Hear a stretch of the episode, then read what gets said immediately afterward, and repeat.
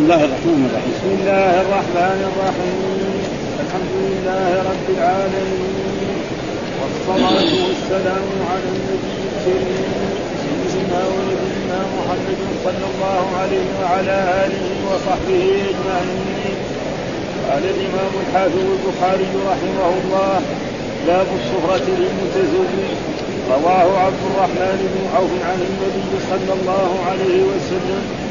قال حدثنا عبد الله بن يوسف قال أخبرنا مالك عن بن الطويل عن أنس بن مالك رضي الله عنه أن عبد الرحمن بن عوف جاء إلى رسول الله صلى الله عليه وسلم وبه أثر صفرة فسأله رسول الله صلى الله عليه وسلم فأخبره أنه تزوج امرأة من الأنصار. قال كم سقت إليها؟ قال زنة نواة من ذهب. قال رسول الله صلى الله عليه وسلم أولي ولو بشاه.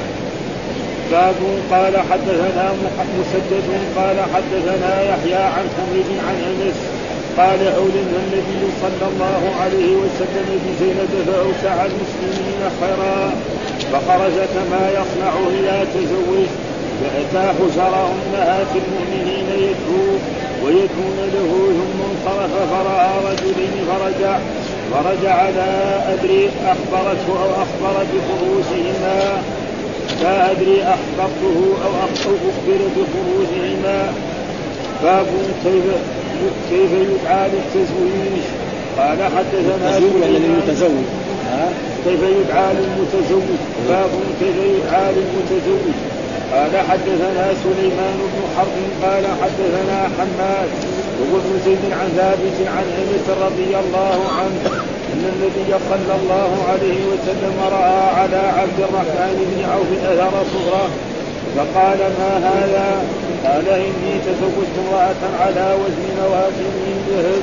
قال بارك الله لك اولم ولو بشاة باب الدعاء للنسوة اللاتي يهدين العروس وللعروس قال حدثنا فروة بن المعراء قال حدثنا علي بن مسلم عن هشام عن ابنه عن عائشة رضي الله عنها. تزوجني النبي صلى الله عليه وسلم فأتتني أمي. فأدخلتني الدار فإذا نسوة من الأنصار في بيت فقلنا على الخير والبركة وعلى خير طائر باب من أحب البناء قبل الغزو. قال حدثنا محمد بن العلاء قال حدثنا عبد الله بن المبارك عن معمر عن همام عن أبي هريرة رضي الله عنه عن النبي صلى الله عليه وسلم قال غزا نبي من الأنبياء فقال لقومه لا يتبعني رجل, رجل ملك بضع امراه وهو يريد أن يبني بها ولم يبن بها. باب باب من بنى بامرأة وهي بنت تسع سنين قال حدثنا قبيصة بن عقبة قال حدثنا سفيان عن هشام بن عروة عن عروة تزوج النبي صلى الله عليه وسلم عائشة وهي بنت ست سنين وبنى بها وهي بنت تسع سنين ومكثت عنده تسعا باب البناء في السفر. قال حدثنا محمد بن سلام قال أخبرنا إسماعيل عن جعفر عن عبيد عن أنس قال أقام النبي صلى الله عليه وسلم بين خيبر والمدينة ثلاثا يبني عليه يبني يبني عليه يبنى. يبنى عليه بصفية بنت خيل فدعوت المسلمين إلى وليمته فما كان فيها نخبز ولا لحم. أمر بالانقاع فهدي فيها من التمر والبق والسن فكانت وليمته فقال المسلمون إحدى أمهات المؤمنين ومما ملكت يمينه. فقالوا إن حسبها فهي من أمهات المؤمنين وإن لم يحجبها فهي مما ملكت يمينه. فلما ارتحل وقع لها خلفه ومد الحجاب بينها وبين الناس. أعوذ بالله من الشيطان الرجيم. بسم الله الرحمن الرحيم. الحمد لله رب العالمين والصلاة والسلام على سيدنا ونبينا محمد وعلى آله وصحبه وسلم أجمعين. قال الإمام الحافظ محمد بن إسماعيل البخاري رحمه الله تعالى باب السفرة للمتزوج. رواه عبد الرحمن بن عوف عن النبي صلى الله عليه وسلم. معنى الترجمة هذه باب جواز نعم الطيب بالسفره للمتزوج. ولذلك قال باب السفره للمتزوج. يعني غير المتزوج ما ما يجوز أن يعمل طيب وهو فيه السفرة. مثلا رجل يبغى يطيب للجمعة أو للعيد نعم يتطيب بطيب ليس في يعني الرجل يشرع له طيب له رائحه وما له. الرجال هكذا شرع الرسول لهم أن يكون طيبهم. إذا تطيب ماشي يسمع له إيه؟ رائحه وليس له لون هذا المرأة لا بالعكس. تطيب بطيب ليس له إيه إذا مشت في الشارع ما له رائحة. ها؟ ولكن في ثيابها أو كان واحد هذا لكن المتزوج له أن يتطيب بطيب فيه سفرة. يعني هذا ما يريد المقام لأن هناك أحاديث أن الرسول نهى عن الطيب الذي فيه السفرة للرجال. وهنا يقول باب الطيب باب السفرة للمتزوج. يعني إيش السفرة؟ معناه طيب فيه الصفات ها. فعقد قال للمتزوج. فإذا من هذه الترجمة يفهم أنه يجوز للمتزوج أن يتطيب بطيب فيه صفرة. وغير المتزوج لا يتطيب بطيب فيه صفرة. ها يتطيب للعيد أو للجمعة أو يذهب إلى غرض من الأغراض يتطيب بطيب ليس فيه صفرة إنما له رائحة. والمرأة لا تتطيب بطيب لا رائحة له في الخارج وله لون. طيب إيش قال للمتزوج فلذلك قال للمتزوج ها؟ عكس إيه؟ رواه عبد الرحمن بن عوف. هنا دحين علق. وبعد ذلك ساد الحديث بسند. ها؟ عبد الرحمن بن عوف تزوج بعدما هاجر من مكة إلى هذه المدينة وجلس مدة من الزمن يعمل. نعم تزوج ودخل على الرسول عليه آثار السفرة. فقال له مه مهيم إيش إيش إيش شأنك؟ قال له تزوج، تزوجت إيه؟ قال تزوجت امرأة من الأنصار بنواة من ذهب. فهذا ما, يريد إيش الدليل؟ قال حدثنا عبد الله بن يوسف قال أخبرنا مالك عن حميد بن الطويل عن أنس بن مالك رضي الله عنه أن عبد الرحمن بن عوف جاء إلى رسوله وبه أثر صدره يعني طيب ثياب فسأله رسول الله فأخبره أنه تزوج امرأة من الأنصار. قال له كم سقت إليها؟ يعني كم صدقه؟ قال وزن نواة من ذهب. قال زنة نواة من ذهب. كم سقط اليها؟ قال زينة نواة من ذهب ومعلوم النواة مختلف. وهذا ما في قال رسول الله أولم ولو بشاء. وهذا الرسول أمره أن يولم ولو بشاء. يعني أقل ما يكون. فإذا أولم بأكثر من ذلك ولا يلزم من ذلك أن الوليمة لا تكون إلا إلا باللحم. لا. هذا يأتي حديث أن الرسول تزوج صفية وما كان يعني هناك إلا التمر والأقط والسمن. فإذا كان بشاء أنتم ما أنتم أي شيء ولذلك يقولوا بعض الناس عشان لا يتكلف في في نجد في بريدة عملوا زواجات كثيرة العام أو العام وكلها كان فيها برتقال وتفاح وأشياء زي هذا المقصود إنه إعلان النكاح وهذا من إعلان النكاح. فايش قال؟ باب السنة كذا قيده بإشارة إلى الجمع بين حديث الباب وحديث النهي عن التزعفر للرجال وسياتي البحث فيه بعد أبواب. رواه عبد الرحمن بن عوف يشير إلى حديثه الذي تقدم موصولا في أول البيوع. قال لما قدمنا المدينة ها فصار إيه يشتغل فذكر الحديث بطوله وفيه ما جاء عبد الرحمن بن عوف عليه أثر سفره فقال تزوجت؟ قال نعم. قال نعم. يعني أتزوجت؟ كذا اورده المصنف هذه القصة في هذا الباب من طريق مالك عن حميد مختصرا. ثم ذكر باب. وهذا الباب عند البخاري إذا قال باب بدون ترجمة معناه لغيره كالفصل وهذا معروف أن العلماء بعضهم يكتب باب بعضهم يكتب كتاب بعضهم يكتب فصل فباب في صحيح البخاري إذا شفنا باب ما له ترجمة معناه إيه؟ معناه فصل والفصل دائما يكون له علاقة بإيه؟ بالباب المتقدم أو بالكتاب المتقدم ها؟ كثير في في كتب النحو وفي غير ذلك يقول فصل تجد فصل مثلا في في. مثلا في مستحبات الوضوء بعد ما يذكر فرائض الوضوء يجيب فصل في مستحبات الوضوء. فهذا معنى. باب هنا في هذه الترجمة معناه فصل. وكل إمام وكل عالم له اصطلاحات علمية يبين للناس بها. قال حدثنا مسدد قال حدثنا يحيى عن حميد عن أنس قال اولم النبي صلى الله عليه وسلم بزينب. ها؟ زينب مين هي؟ زينب بنت جحش. زينب بنت جحش هذه كانت متزوجة زيد وصار فيها خلاف بينه وبينها ثم بعد ذلك طلقها فاخبر الله تعالى فلما قضى زيد منها وطرا زوجناكها لكي لا يكون على المؤمنين حرج في أزواج ادعيائهم إذا قضوا منهن وطرا وكان أمر الله أولى. فتزوجها عشان يزيل هذه الأشياء لأنه كان كل إنسان يتبنى إنسان يصير كولد يرثه وليس له إنسان. فأزال هذه العادة الجاهلية وأمر الرسول أن يتزوج زينب بنت جحش. اولم النبي صلى الله عليه وسلم فأوسع المسلمين خيرا. يعني إيه؟ أوسعهم خير. يعني سوى لهم وليمة كبيرة. وهذه الوليمة جاء في بعض الأحاديث انها لحم وخبز. ها؟ هذا فما يصنع إذا تزوج. فجاء فأتى حضرات أمهات المؤمنين يدعو ويدعون له يعني بعد ما عمل الوليمة وحضر المسلمين والصحابة للطعام في هذه الوليمة أكلوا. بعضهم خرج والبعض منهم جلس. فالرسول عشان يبغى يدخل على زوجته خرج إلى إحدى زوجاته. يعني لأن زوجات الرسول قريب من بعض كلهم جنب بعض.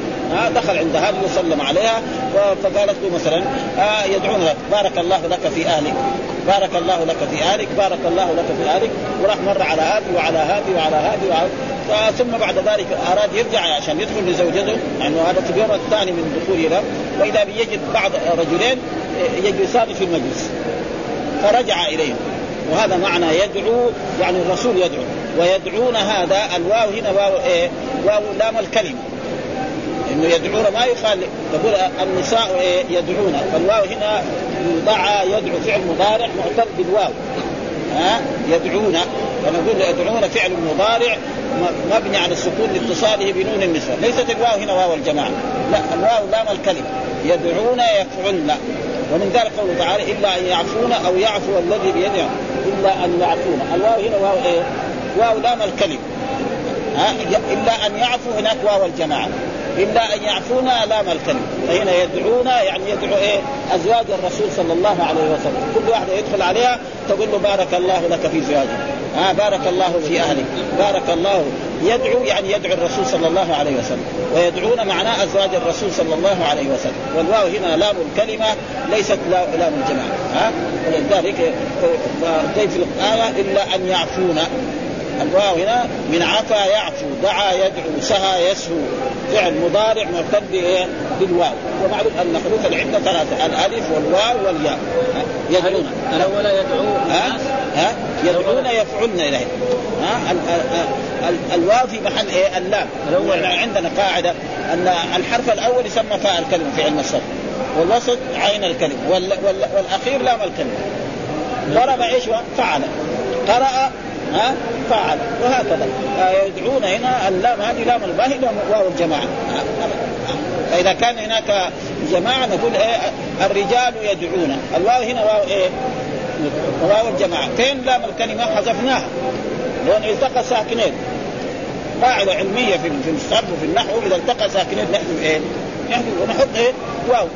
كثير في القرآن موجود. ولا يصدنك. حذفوا هذا وكثير غير قال يدعو. ثم انصرف فرأى رجلين. يعني رجل يرجع لزوجته ويدخل عليها زينب فرأى رجلين. فرجع رجع إلى زواجه ها؟ ثم يقول أنس لا أدري أخبرت أو أخبر بخروج ثم بعد ذلك خرج الرجلان من بيت رسول الله صلى الله عليه وسلم فدخل على زوجته وأراد أنس يدخل وإذا به يعني ينزل الستار بينه وبين أنس. فهذا هو الواجب ولذلك أنزل الله تعالى يعني أمر المؤمنين إذا دخلوا بيت الرسول أنهم إذا دعوا إلى طعام يدخلوا فليس لهم أن يستاء يقعد يتكلم يأكل وهذا ويخرج أما يا نبي إيش الآية هي؟ يا نبي حديث ها؟ لا في في الآية إذا دعوا ولا تدخلوا بيوت النبي إلا يؤذن لكم إلى طعام غير ناظرين اناء ولكن إذا دعيتم فادخلوا وإذا طعمتم فانتشروا ولا مستأنسين لحديث هذول بعد ما أكلوا بعد يتحدثوا في أشياء. فأنزل الله تعالى هذه الآية وقال لا أكلتوا؟ خلاص تفضلوا خصوصا في الزواج. الرجل يبغى يدخل مع زوجته ويتحدث معاه هذا اشراف فلذلك نهاهم الله عن هذا. فيقول هنا باب كذا لهم بغير ترجمة وسقط لفظ الباب من روايه النووي كذا من شرح ابن بطال ثم استشكله لأن الحديث المذكور لا يتعلق بترجمة الصغرى للمتزوج وأجيب بما ثبت في أكثر الروايات من لفظ من لفظ باب والسؤال آه باق. لكن فإن الإتيان بلفظ باب وإن كان بغير ترجمة لكنه كالفصل من الباب الذي كما تقرر غير مرة. يعني كثير ما ذكر الحافظ هذا والحديث المذكور هنا حديث أولى من النبي بزينب يعني بنت جحش وأورده مختصرا وقد تقدم مطولا في تفسير سورة الأحزاب. ها؟ وهو قول الله تعالى فلما قضى زيد منها وطرا زوجناكها لكي لا يكون على المؤمنين حرج في أزواج ادعيائهم إذا قضوا منهن وطر وكان أمر الله ومناسبة من جهة أنه لم يقع في قصة تزويج زينب بنت ذكر آه الصفرة فكان يقول الصفرة للمتزوج من الجائز لا من المشروط لكل يعني معنى أن كون الرجل إذا تزوج لازم يكون الطيب حقه فيه صفرة لا هذا جائز. ليس معناه واجب. فإن هذا زينب ما ذكر أن الرسول كان إيه؟ آه ثم ذكر كيف يدعى كيف يدعى للمتزوج. كيف المسلمين يدعون للمتزوج؟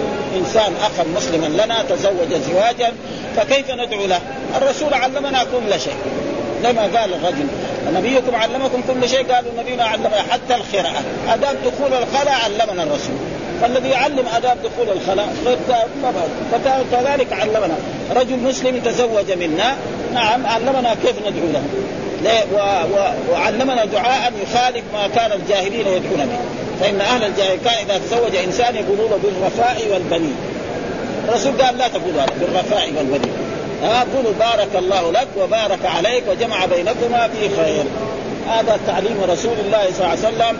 إذا اخا مسلما تزوج لنا نقول بارك الله لك وبارك عليك وجمع بينكما في خير. وأما بالرفاء والبنين هذا كان يعني لجاهل ومعنى الرفاء معنى الالتئام يعني إيه بينكم مودة واخوه فالرسول نهى عن ذلك ولا كيف يدعى للمتزوج؟ ها؟ ما كيف يدعى للمتزوج ها؟ حدثنا سليمان بن حرب قال حدثنا حماد هو ابن زيد عن ثابت عن أنس رضي الله تعالى عنه أن النبي صلى الله عليه وسلم رأى على عبد الرحمن بن عوف اثر صفرة فقال ما هذا؟ يعني قال إني تزوجت امرأة على وزن نواة من ذهب. قال بارك الله لك وأولم ولو بشاء. في رواية بارك الله لك وبارك عليك وجمع بينكما في ذنب بارك وهذا أحسن. البركة لها شأن عظيم جدا. ما تكون في نفس الزوج وفي نفس الزوجة وفي نفس رزقهم ويرزقهم الله أولادا صالحين. أو لم ولو بشر. والوليمة سنة. ها؟ وقد يأخذ بعض العلماء أنه كل شيء يأمر به الرسول هو واجب والصحيح ليس كذلك. ها؟ أو لم ولو بشر. ثم ذكر الترجمة باب كيف يدعى المتزوج ذكر فيه قصة زوج عبد الرحمن المختصرة من طريق ثابت بن أنس. بارك الله قال ابن عطاء إنما أراد بهذا الباب والله أعلم رد قول العامه عند العرس عند العرس بالرخاء والبنين. يعني الناس العوام والجهلة في الجاهلية كان يمر فكأنه أشار إلى تضعيفه. ونحو ذلك حديث معاذ.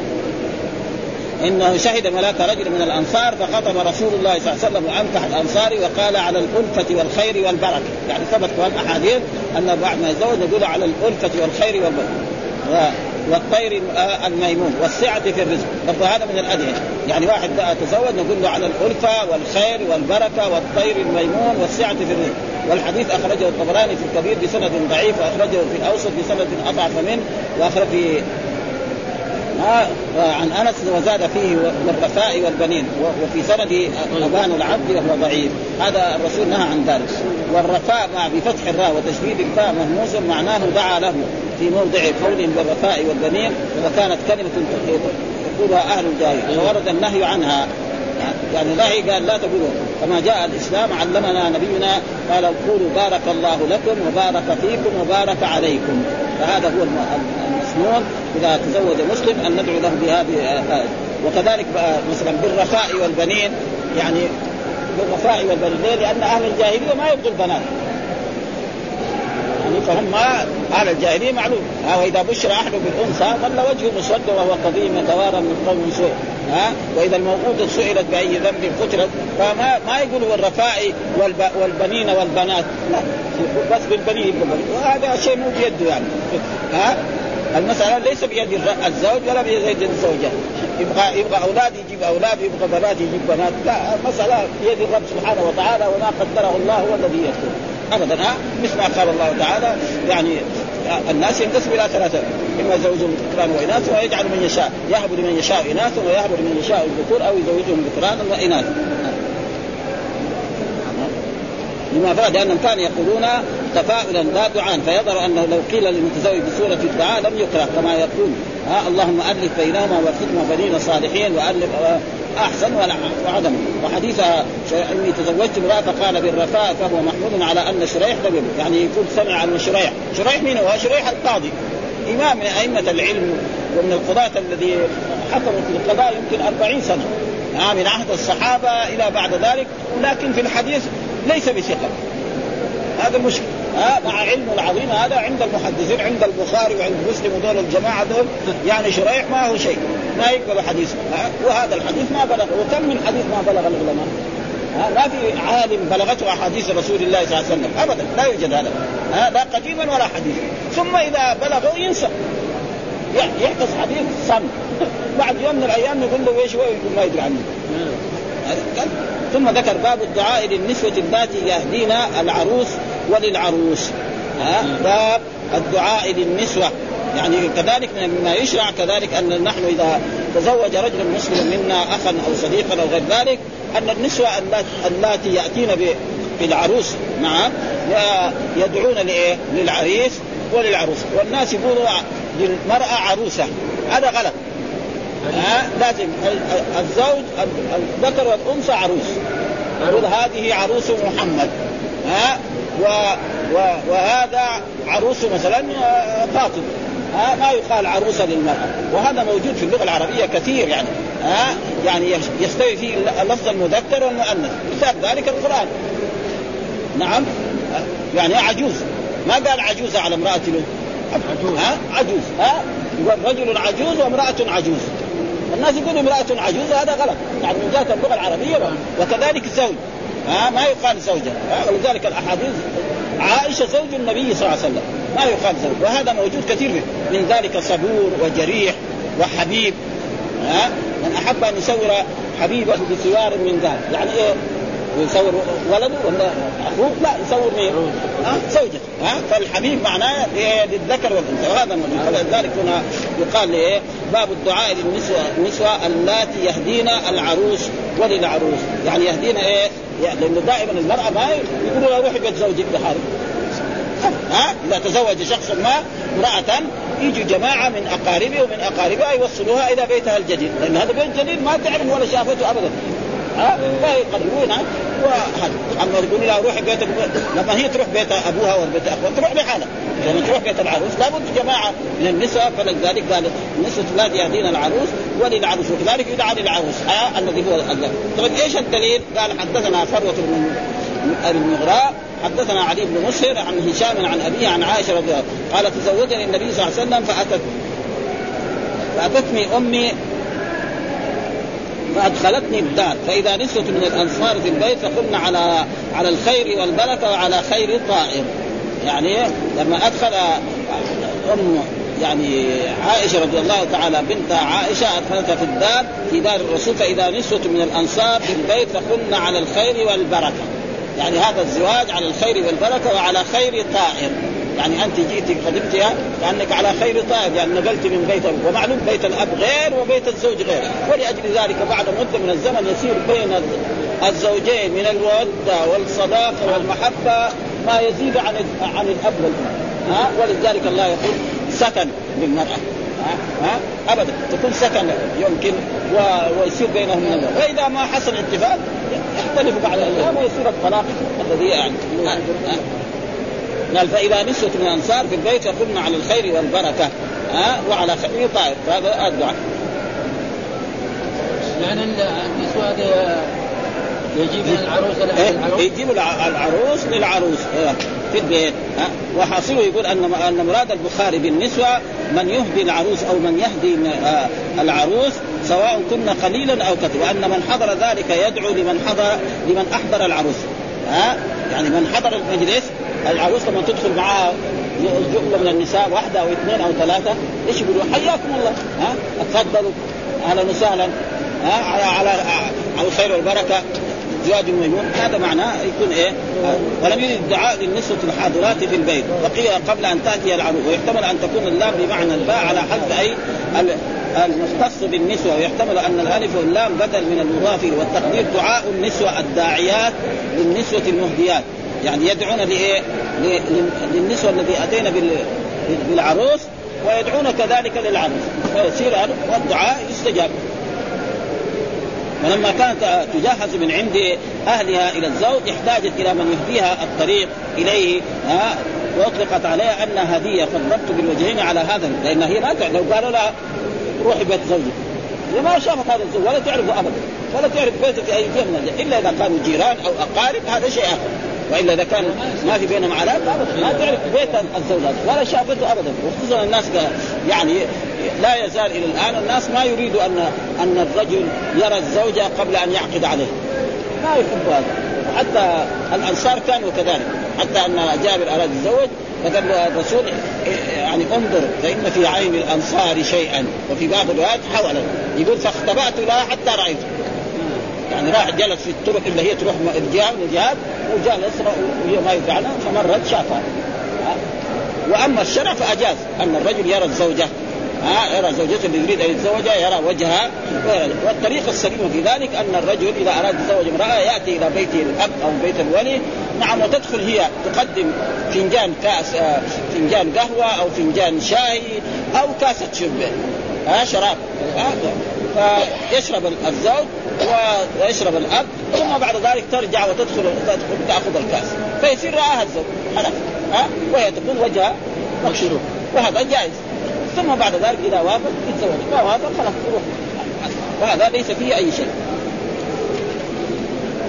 معاه يكلمني ولا يكلمني؟ ها؟ ما يكلمني ولا ما يكلم ها؟ هي لما تدخل تسلم. فيعرف انسان إذا كانت لدغة يظهر مثلا يعني لو فرض ها؟ لما هي تدخل بدها تقول السلام عليكم. فهو من السلام عليكم يقدر يهتدي إذا فيها لداغة أو ما عدم الكلام يعرف ها؟ فزوجها على وفي أن أمها لما أجلستها في حجر الرسول قالت هؤلاء آه أهلك يا رسول الله. قال قالت هؤلاء أهلك يا رسول الله. بارك الله لك فيهم. وقوله في حديث الباب فإذا نسوة من الأنصار سمى منهن أسماء بنت يزيد بن السكن يعني جاء في بعض الروايات أن منهن أسماء بنت يزيد بن السكن الأنصارية فقد أخرج جعفر من طريق يحيى بن كثير عن أسماء عائشة. قال لما أقعدنا عائشة لنجليها على رسول الله جاءنا فقرب إلينا تمرا ولبنا الحديث. يعني قرب الرسول إليه. يعني لما دخلنا هؤلاء النسوه مع عائشة كذلك الرسول قرب إليهم تمرا ولبنا ومعلوم التمر واللبن يعني طعام ممتاز بالنسبة خصوصا للعربي. ابدا. ها؟ يعني طعام ممتاز.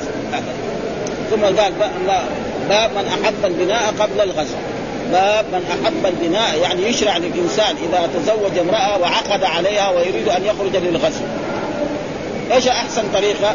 يدخل على زوجته ثم يخرج للغزو لأنه إذا كان خرج للغزو وهو كان مثلا يبغى يبني بها يبغى يدخل بها بعد شهر وراح للغزو. فكره ما يصير في الغزو فكره متى يرجع حتى يدخل بزوجته.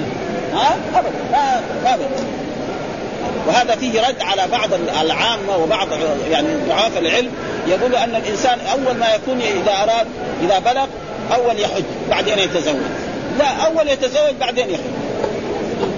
ها؟ الزواج قبل الحج. وكذلك هنا.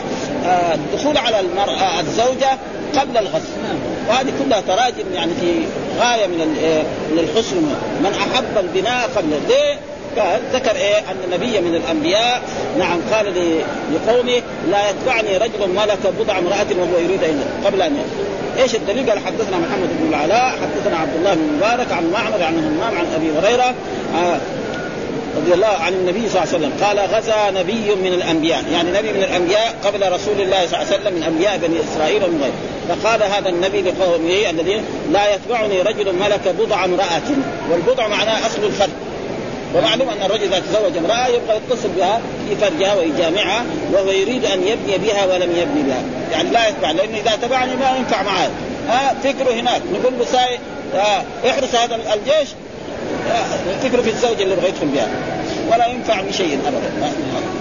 فأول يدخل بزوجته ويستأنس بها مدة من الزمن ويتصل بها ثم بعد ذلك يخرج كذلك إذا أراد مثلا يريد آه، يعني إيش يقدم الحج أو هذا قدم إيه؟ نعم الزواج قبل الحج. والرسول لذلك أمر يا معشر الشباب من استطاع منكم الباء فليتزوج ومن لم يستطع فعليه بالصوم. فإن أغض البصر وأحسن فالرجل يتزوج هذا هو. لكن الآن الزواج أصبح فيه شيء صعوبة من الصعوبات. يعني بعض الناس الآن في هذا البلد الذي هو يعني يبغى يتزوج شاب يبغى له ألف ريال أو خمسين ألف ريال. خمسين ألف ريال من فين يجيبه. والناس الفقراء يبغى لهم 20000 ريال. قبل الضعاف يعني. هذا مو الأغنياء يعني. الأغنياء يمكن ما يمكن آلاف يعني. فلذلك ومع أن الرسول أمر بأن يكون إيه؟ تسهيل الزواج وتيسير الزواج ويكفي ذلك ان عمر بن الخطاب أراد أن يجعل الزواج لا يتزوج أحد إلا بمثل صداق بنات الرسول وزوجاته وهو 500 درهم. فقالت امرأة الله يقول اعطيت إحداهن قنطارا فقالت كل الناس افضل منك يا عمر حتى النساء. وقال أصابت امرأة وأخطأ عمر. بطل. هذا يعني قال من أحب البناء بزوجته ولم التي لم يدخل بها قبل الغزو أي إذا حضر حضر الجهاد ليكون نعم ففكرهم مجتمعا. ذكر في حديث أبي هريرة الماضي في كتاب الجهاد ثم في فرق الخمس وقد شرح قد شرحت فيه وبينت الاختلاف في اسم النبي صلى الله عليه وسلم الذي غزا هل هو يوشع أو داوود؟ وقال ابن يستفاد من من الرد على العامة في تقديم الحج على على الزواج يعني هذا العامة الناس العوام كثيرين. ها؟ تقديم. كل من لم يقرأ يعني الفقه ويقرأ الحديث تماما يعني ما عنده لأن هذه أشياء لا تدرك في إيه كتب الفقه. يعني مثل هذه الأشياء تدرك في إيه في كتب الحديث. باب من بنى بامرأة وهي بنت تسع سنين. باب من بنى بامرأة وهذا كذلك قصة عائشة أن الرسول بنى بها دخل بها وعمرها تسع سنوات وعقد عليها وعمرها ست سنوات. ومكثت عند رسول الله صلى الله عليه وسلم تسع سنوات. يعني توفي الرسول وعمرها كم؟ 18 سنة. يعني شابة صغيرة جدا. ثم عاشت بعد ذلك إلى عهد معاوية. ها؟ من عاش كثير يعني. قال من بنى بامرأة وهي بنت تسع سنين. وقد حصل ذلك قبل مدة من الزمن يعني في القرآن في الصحف إنه بعض بعض الشباب الادباء أنكروا هذا. كيف واحد يتزوج مرأة عمرها تسع سنين؟ هذا غلط. ما يصير هذا شيء في البخاري. تجي أنت أنت رجل أديب. إيش دخلك في الأدب؟ دخلك في الحديث هذا مو فنك دور الشعر ودور المقالات الرجل أنا اكتب فيها. أما الحديث هذا حديث البخاري أنت تجي أيها الأديب تتكلم فيه تقول لا ما ي... كيف واحد يتزوج مرأة وعمرها تسع سنين؟ البخاري هذا ذاكر لأنه هو ما يعرف البخاري ولا قري البخاري. قري إيه؟ قري كتب الأدب. قري أبو العلاء عره وقري النابغة وهذه هذه هذه صنعت. وصارت ضجة كثيرة يعني أنا شفتها كان في شعوبنا زمان قبل سنة. ف... ف... وهذا ممكن حتى اليوم ممكن. ويكفي ذلك أن عبد عمرو بن العاص بين بين الأب وبين الابن كان 11 سنة. عمرو بن العاص كان عمره 11 يعني 11 سنة. وولده يعني ولد ولد وهو هذا بين الأب وبين الابن 11 سنة. وهذا موجود. مثلا آه شاب صحته طيبة ياكل احسن الطعام ويشرب وليس عنده عمل وليس عنده تفكير في اي شيء. ابدا ما يصير عمره والمرأة احسن من ذلك. يكفي دحين النساء ما شاء الله. ابدا. مرأة وانها الآن توفرت الأسباب. ها؟ عندها أكل طيب وشراب طيب وصحة طيب. فإذا بلغت عمرها 15 سنة تشوفها طولها قد إيه كلها. أطول من الرجال. الآن في وقت الحاضر ليه؟ لأنها مرتاحة. أبدا. ها؟ ما طيب. فلذلك هذا ممكن ويكفي خصوصا في بعض البلاد الحاره يمكن أن المرأة عمرها عشر سنوات تلد. تحمل تسع سنوات. تسع سنوات؟ شوف تحمل تحمل فيصير عشر سنوات التي يشربن الحليب؟ تسع سنوات. خلاص. لا تأكل تأكل وتشرب. تأكل لحم وتشرب لبن وتشرب خلاص تصير واحد فقير ولذلك إيش حد البلوغ؟ بعضهم قالوا 15 سنة. بعضهم قالوا 18 سنة. بعضهم قال انبات آه، الشعر حول الفم كل هذا هذا ممكن. ما يعني ما يصير ابدا. فليس لأحد أن ينكر هذا. وهذه أحاديث البخاري. أصح كتاب يعتمد عليه بعد كتاب الله هو البخاري، البخاري يروي حديث إن الرسول تزوج عائشة عمرها تسع سنين، أنت تنكر هذا؟ ما ما يصير أكثر من بنتها بعشر سنين. هذا هذا. باب البناء في السفر، طيب هذا كمان يعني الإمام البخاري يعني لازم واحد ما يتزوج إلا إذا كان في في, في الحضر. لا. جائز، إيش الدليل؟ أن الرسول تزوج صفية وهو في مسافر. وميمونه ها؟ كمان وميمونه فيعني مو لازم إنه اذا يبغى يتزوج لازم يتزوج في البلد اللي هو فيه.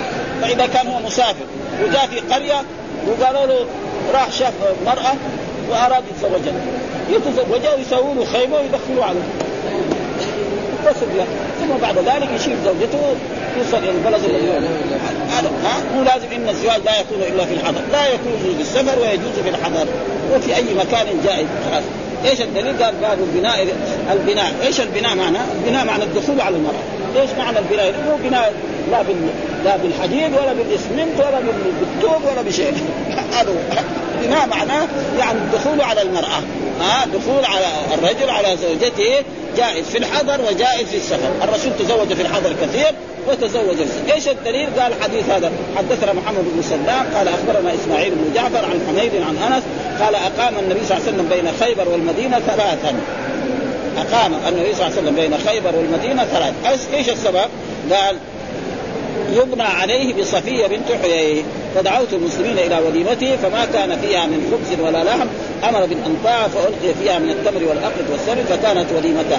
فقال المسلمون يقول هنا في هذا الحديث عن أقام النبي صلى الله عليه وسلم بين خيبر والمدينة. وخيبر والمدينة معروف. ها يعني خيبر الآن تبعد عن المدينة يمكن ب 150 كيلو. قريب من المدينة. ها وكان فيها الرسول خرج في عام سبع وغزا خيبر وفتح الله عليه خيبر. وهذا قول الله تعالى إنا فتحنا لك فتحا مبينا المراد به فتح فتح خيبر. ثم بعد فتح خيبر لأن هم كانوا يظنوا أنهم يدخلوا في عام ستة وما دخلوا.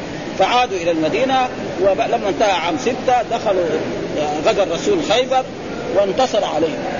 وأصبحوا كلهم يعني تحت وهذه صفية كان لها أب ولها زوج فقتلوا في من جملة الكفرة اليهود المهاجر ثم لما وزعت في الغنائم وزعت لرجل.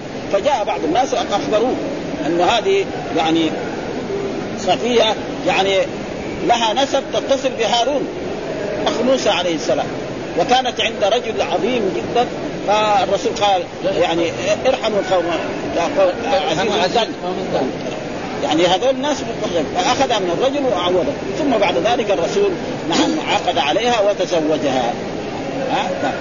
ولأجل ذلك آه بنى بصفية بنت حيي فدعوت المسلمين إلى وليمته. يعني الوليمة فما كان فيها من خبز ولا لحم أبدا. ها إنما أمر بالأنطاع الأنطاع معناه السفرة. إيش الأنطاع؟ يعني سفرة توضع على الأرض نعم فألقي فيها من التمر والأقط والسمن. وهذا طعام ممتاز بالنسبة للعربي فكانت وليمته. ها وليمته هو خبر كان. ها وقال المسلمون إحدى أمهاته يعني لما بنى الرسول بها وجلس ثلاثة أيام قالوا هذه إحدى أمهات المؤمنين قال بعضهم لا هذه قد تكون سرية لأنها هذه ها ملك اليمين. فقالوا نحن نشوف. أو ما ملك فقالوا إن حجبها فهي من أمهات المؤمنين. حجبها فهي وإن ما حجبها فهي اما زي زي ماريا. فلما ثلاثة الأيام نعم حجبها الرسول وركبها عليه وحجب وصار وجه وهو ففهم من ذلك أنها فهي من مما ملك فلما ارتحل وطأ لها خلفه. يعني ركبها خلف بعيره ومد الحجاب بينها وبين الناس. يعني كانت متسترة. فهذا دليل على أن وهذا فيه دليل. ولذلك كانت هي يعني تفتخر. حتى أن مرة من المرات عائشة يعني أرادت ترمزها ومعلومة دائما الضرات يكون بينهن شيء. فقالت إيش يعني؟ صفية صفية. هذه هذه يهودية دي. يعني أصلا يهودية. إيش يعني؟ مثلا هي من بني تيم. عائشة. قبائل العرب الكبار العظماء فقال لها الرسول إن لها مزية كبيرة، إيش مزيتها؟ إن زوجها نبي. وأبوها نبي. طيب أنت أبوك زوجك نبي لكن أبوك ما هو نبي. فهي اذا أحسن منك الصفيه هذه. يعني نسبها يتصل بهارون أخو موسى عليه السلام. وهذا هو يعني إذا أخطأ الإنسان يورى له خطا ويعطى درس من دروس الحياة. لأن دروس الحياة لها فائدة. ها؟ يعني الرسول ما ترك تطعن في هذا. ها؟ تطعن في صفية ابدا. ها؟ قال أنا في قصة وقد تقدم في أول النكاح وقوله ثلاثا يبني علي يبنى عليه بصفية أي أي تبنى عليه ها؟ وفيه إشارة إلى أن سنة الاقامه عند الثيب لا تختص بالحدث. يعني دائما أمر الرسول إذا تزوج ذكرا يمكث عندها سبع ليال إذا كان عنده زوجات. وإذا كانت ثيب يقول ثلاثة أيام. ها؟ رجل متزوج بكر وكان عنده ثلاث زوجات هذول الثلاث زوجات ما يجيب إلا بعد سبع أيام. بعد سبع أيام بعد ذلك يقسم لهذه ليلة ولهذه ليلة ولهذه ليلة. ها؟ وإذا كانت ثيب لا. وهي كانت ثيب متزوجة كانت فجلس عندها ثلاثة أيام فهذا. وهذا قال ويؤخذ منه جواز تأخير الاشغال العامة للشغل الخاص. يعني الرسول الآن يعني هو الحاكم و يعني عطل الأعمال العامة لشغله الخاص الذي هو الزواج. فالحين في عصرنا هذا ملك يبغى يتزوج أو موظف كبير يبغى يتزوج يقعد ثلاثة أيام لا يروح للمكتب حقه. لا يروح للمكتب حقه ثلاثة أيام أو أسبوع من الكلام. فيصير لما مثلا قاضي من القضاة تزوج. ها؟ فإذا جلس مع زوجته سبع أيام له ذلك ما يروح للمحكمة ويؤدي هذا العمل أو أمير أو حاكم ولكن الآن في نظم يعني لابد يعني نظم دولية لابد يعني إجازة والإجازة هذه ثم ذكر باب البناء بالنهار بغير مركب ولا نيران. باب البناء بالنهار بغير مركب ولا نيران. يعني كذلك يجوز إنه لازم البناء ما يكون إلا في الليل. يعني ما تدخل الزوجه على زوجة إلا ليلا تدخل في الليل وفي النهار. ما في شيء. ها؟ ما في شيء. ها؟ بغير مركب. ثم يعني ما يحتاج يساوي يساوي فوانيس قدامها أو أنوار أو هذا أمام العروس. لا ابدا. ما في حاجة. بل هذا ولا ينبغي. إنما لهم أن إيه يعني يتغنين النساء. يعني يغنوا النساء والفاظ طيبة من مدح للرجل وللزوجة ولغير ذلك فهذا لا بأس به. وأما كونهم يأخذوا النيران أمامهم وغير مركب يعني تمشي على الناس الأولين ما, ما في عندهم عندهم بعير أو فرس أو أو فإذا أخذوها قريبين من بعض تمشي بالله هي العروس مع مع جملة من النساء إلى بيت زوجها. باب البناء بالنهار بغير مركب ولا نيران. ها ما يحتاج يساوي نيران. قال آه، حدثنا فرط بن حدثنا علي بن مسر عن هشام عن ابي عن عائشة قال تزوج النبي فأتت بي أمي فأدخلتني الدار فلم يرعني إلا رسول الله صلى الله عليه وسلم ضحى. معلوم أن المرأة أول ما تدخل على الزوج يعني يمكن تخاف منه. فهو يلاطفها حتى تصير بينه وبينها من الموده ما الله به يعني ها؟ ما تعرفه ولا عمرها شافته إلا إلا واحدة ليلة. ف... يعني وإن كانت هي كانت تعرف رسول الله صلى الله عليه وسلم لأنه كان الرسول كما تقدم لنا في الأحاديث والحرامات في دراستنا أنه ما يمر يوم من الأيام إلا والرسول يدخل إلى بيت أبي بكر الصديق المكان فيه يوميا. إما صباحا وإما مساء. ومعلوم أن أن المرأة أو البنت الصغيرة تعرف أصدقاء بها. إذا كان واحد يجي ضد الباب مين هذا؟ يقول له فلان. تعرف. حتى في عصرنا هذا. فما ما في شيء. ها؟ لم يرون الا رسول الله صلى الله عليه وسلم وزوج النبي صلى الله عليه وسلم وأشار بقول النار إلى أن الدخول عن الزوج لا يختص بالليل وبقول بغير مركب ولا نيران إلى ما أخرجه سعد بن منصور من طريقه عن إن عبد الله بن كان وكان عامل عمر على حمص مرت به عروس وهم يوقدون النيران بين يديها فضربهم بدرته يعني كان هذا في حمص أمير ومرت عروس وعليها كذا نيران ومركب فضربهم بضرته حتى تفرقوا عن عن عروس ثم خط فقال إن عروسكم أوقدوا النيران وتشبهوا بالكفر والله مطفئ نوركم يعني ما ما يحتاج يحط نور أمامهم. هذا ممنوع.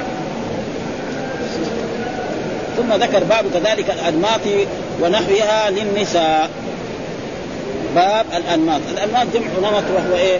ما يجعل في البيت كستر لإيه؟ للنافذة وللطاقة وللباب ولغير ذلك. هذا معناه فهل هذا يجوز أو لا يجوز؟ بده يبين لنا الإمام البخاري هل هذا جائز؟ لأن هناك في أحاديث فيها النهي وبعض الصحابة كانوا ينهون عن ذلك حتى أن رجلا من الصحابة لما دعي إلى وليمة عبد الله بن مسعود أو غير ذلك ودخل في بيت زواج ووجد الجدار حقه كله إيه؟ يعني عليه ستائر فقال يعني بيتكم محموم هو مسخن يعني أتيتوا بهذا هذا. نعم أو الكعبه انتقلت إليكم هنا. هذا معناه تاكد لا داعي قال وخرج من الوليمة ولم يأكل. دحين بيوت الدنيا كلها مسكرة. ها؟ ليه؟ لأنه فلوس عندهم كثيرة. أولا يلا يحصل له إزار ورداء وإذا حصل إزار ورداء يقعد لهم يتشدد. دحين عنده فلوس كثيرة فالباب مستور والنوافذ مستورة وإن كان لها فوائد. فهل هذا على وجه التحريم؟ لا على وجه الكراهة. ها؟ يعني على وجه لأنه فيه فيه شيء من الاسراف هذا هو. ها؟ باب الأنماط ونحوها للنساء. إيش النماط يعني الستائر التي توضع على النوافذ أو غير ذلك. ها؟ لا إيش الدليل؟ قال حدثنا قتيبة بن سعيد قال حدثنا سفيان حدثنا محمد بن المنكدر عن جابر بن عبد الله رضي الله تعالى قال قال هل اتخذتم انماطا؟ قلت يا رسول الله وأنا وأنا لنا أنماط. قال إنها ستكون. قال رسول الله عن جابر لما تزوج قال رسول الله هل اتخذتم أنماطا؟ يعني سترتم بيتكم بشيء من القماش وبالستائر في على على النوافذ وعلى الضيق وعلى غير ذلك؟ آه قال ممكن نجيب ما عندنا شيء الفقير يا الله يحصل خبز ياكل. ويحصل له حبات من التمر يقعد يستر الجدران. ما عنده. وذاك الوقت ثم فقال لهم الرسول إنها ستكون. فيكون يعني دونكم وهذا يعني إما لكم أنتم أو لمن بعدكم وقد حصل ذلك الآن في جميع البيوت بيوت العلماء وبيوت الأمراء حدث ولا حرج. كلها يعني مسدرة بأحسن القماش الذي القماش الذي يسوى. ويكفي في ذلك ان أن الصحابي لما دخل وجد هذا يعني عاب عليهم. قال هل الكعبة انتقلت إليكم؟ أو أن بيتكم محمود وخرج من الوليمه ولم ياتي قال ان أظن عبد الله بن عمر هو اللي دعا عبد الله بن مسعود. وقال ان غلبنا النساء غلبنا النساء وإنما هذه الأشياء تتعلق وفي هذا فيه دليل على أن الرجل لا بأس أن يجامل زوجته في بعض. مثلا يعني مثال نقرب. مثلا المرأة أرادت فراش يكون لونه أخضر أو أصفر أو كنب كذا. يوافقها لأن هي أعرف بهذا الباب. لا يقول لها لا أنا اللي أجيبه بس هو مو لازم يعني. ما هو لازم إيش؟ أن يكون يعني مثل هذه الأشياء. ها؟ فهذا. فيقول هنا اتخذتم انماطا قلت يا رسول الله وأنا لنا انماط قال إنها ستكون. يقول الماط ونحوها ها ونحوه للنساء. أي من الكلل. الكلل هو إيه؟ ما يستر به الأمر. ها والفراش. وما في معناه والأنماط جمع نمط. فتح النون والميم تقدم تقدم بيانه في علامات المروءه قول هذا الضمير على كان باب الأنماط ونحوها. ها أو نحوهن. انماط جمع تكسير قال ونحوهن قال ونحوها يعني هذا من جهة اللغة. ها وإلا كان يعني على التعبير ونحوي ونحوهن ضمير انماط جمع وكذلك هذا. لكن قال ونحوها للنساء. فإذا هذا للنساء جاء عن المصنف ما أخرجه مسلم قال خرج رسول الله في غزاته فأخذت نمطا فنشرته على المرء فلما قدم فرأى النمط عرفت الناطق فهذه الأشياء تتعلق. وكذلك ولا دلالة في ذلك ان لانها كانت امراه جابر حقيقه فلذلك أضافها إليه. وإلا في نفس الحديث الناس ستكون لكم الماضي فاضاف إلى أعم. يعني بعد ذلك سيكون وهذا وحادث يعني في عصرنا هذا أن الجدر وهذا كلها يعني فيها هذه الأشياء وال ثم ذكر هذه الترجمة كذلك آه، باب النسوة التي يهدين المرأة إلى زوجها ودعائهن بالبركة. يعني كذلك من الأشياء ان أن المرأة إذا زوجت ما تذهب إلى بيت زوجها وحده. لابد يكون معها جملة من النساء. وهؤلاء النسوة لا بأس أن يدعون للزوج وللزوجة وأن يكون عندهم شيء من الأغاني. ها؟ يعني نشيد أو غنى. وهذا موجود. ها؟ كما تقدم لنا باب إيه؟ ضرب الدف في إيه؟ في الزواج. يعني يجوز ضرب الدف والغنى في الزواج وأن ذلك ليس من اللحن باب النساء التي يهدين ما إلى زوجها ودعائهن بالبركة. إيش الدليل؟ قال حدثنا الفضل بن عقوب حدثنا محمد بن سابق حدثنا إسرائيل عن هشام بن عروة عن أبي عن عائشة أنها أنها زفت امرأة إلى رجل من الأنصار فقال نبي الله يا عائشة ما كان معكم له فإن الأنصار يعجبهم من له. يعني كانت هذه بنت يعني ربتها عائشة أو قريبه لها وكانت ربيبه في بيتها فبلغت سن الزواج. فزوجتها عائشة لرجل من الأنصار ثم آه، خرجت مع عائشة رضي الله تعالى عنها ومع جملة من النساء فقال الرسول ما كان معكم له ما كان معكم قبل تطبلوا كذا وتغنوا فإن الأنصار يعجبهم الله. ويكفي بما تقدم لنا في الأحاديث اللي قرأناها أن كان للأنصار يومان يلعبان فيه يلعبون فيهما في المدينة. فقال له الرسول صلى الله عليه وسلم ابدلكم الله بيوم عيد الفطر ويوم عيد الأضحى.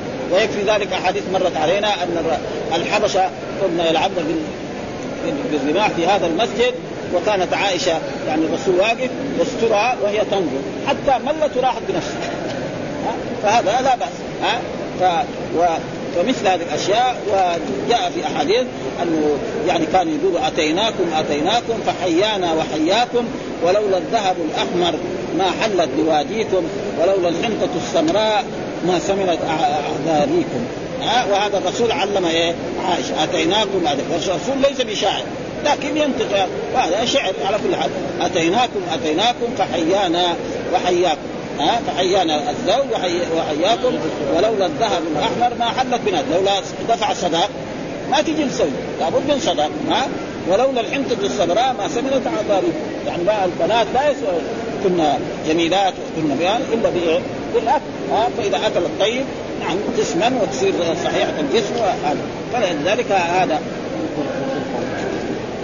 هذا الرسول قال بهذا الشيء اي يقول إيه نفس هذا ذكر ها؟ قال بعثت مع جاريه تطلب وتغني. قلت قلت تقول ماذا؟ قال تقول. معناه الرسول ها؟ والرسول ليس بشاعر إيه؟ وفي حديث جابر بعض وفي حديث ابن عباس قول وحياكم. قالوا فإن الأنصار يعجبهم وفي حديث ابن عباس قولهم فيهم غزل. وفي حديث جابر عند المحامد ادركيها يا يا زينب امرأة كانت تغني بالمدينة يستفاد منه تسمية المغنيه الثانية في القصة التي وقعت في حديث عائشة وهذه في عائشة الماضي في العيدين حيث جاء فيه وإني لم أقف على اسم أخرى وقد جوزت الان وقد جوزت الآن تكون آه، هي زينب. وأخرج النسائي من طريق عامر بن سعد قال إنه رخص لنا في اللهو عند العرس. يعني فإذا اجتمع لكن هذا للنساء. دحين ساووا الرجال يساووا هذا مخالف لهدي رسول الله.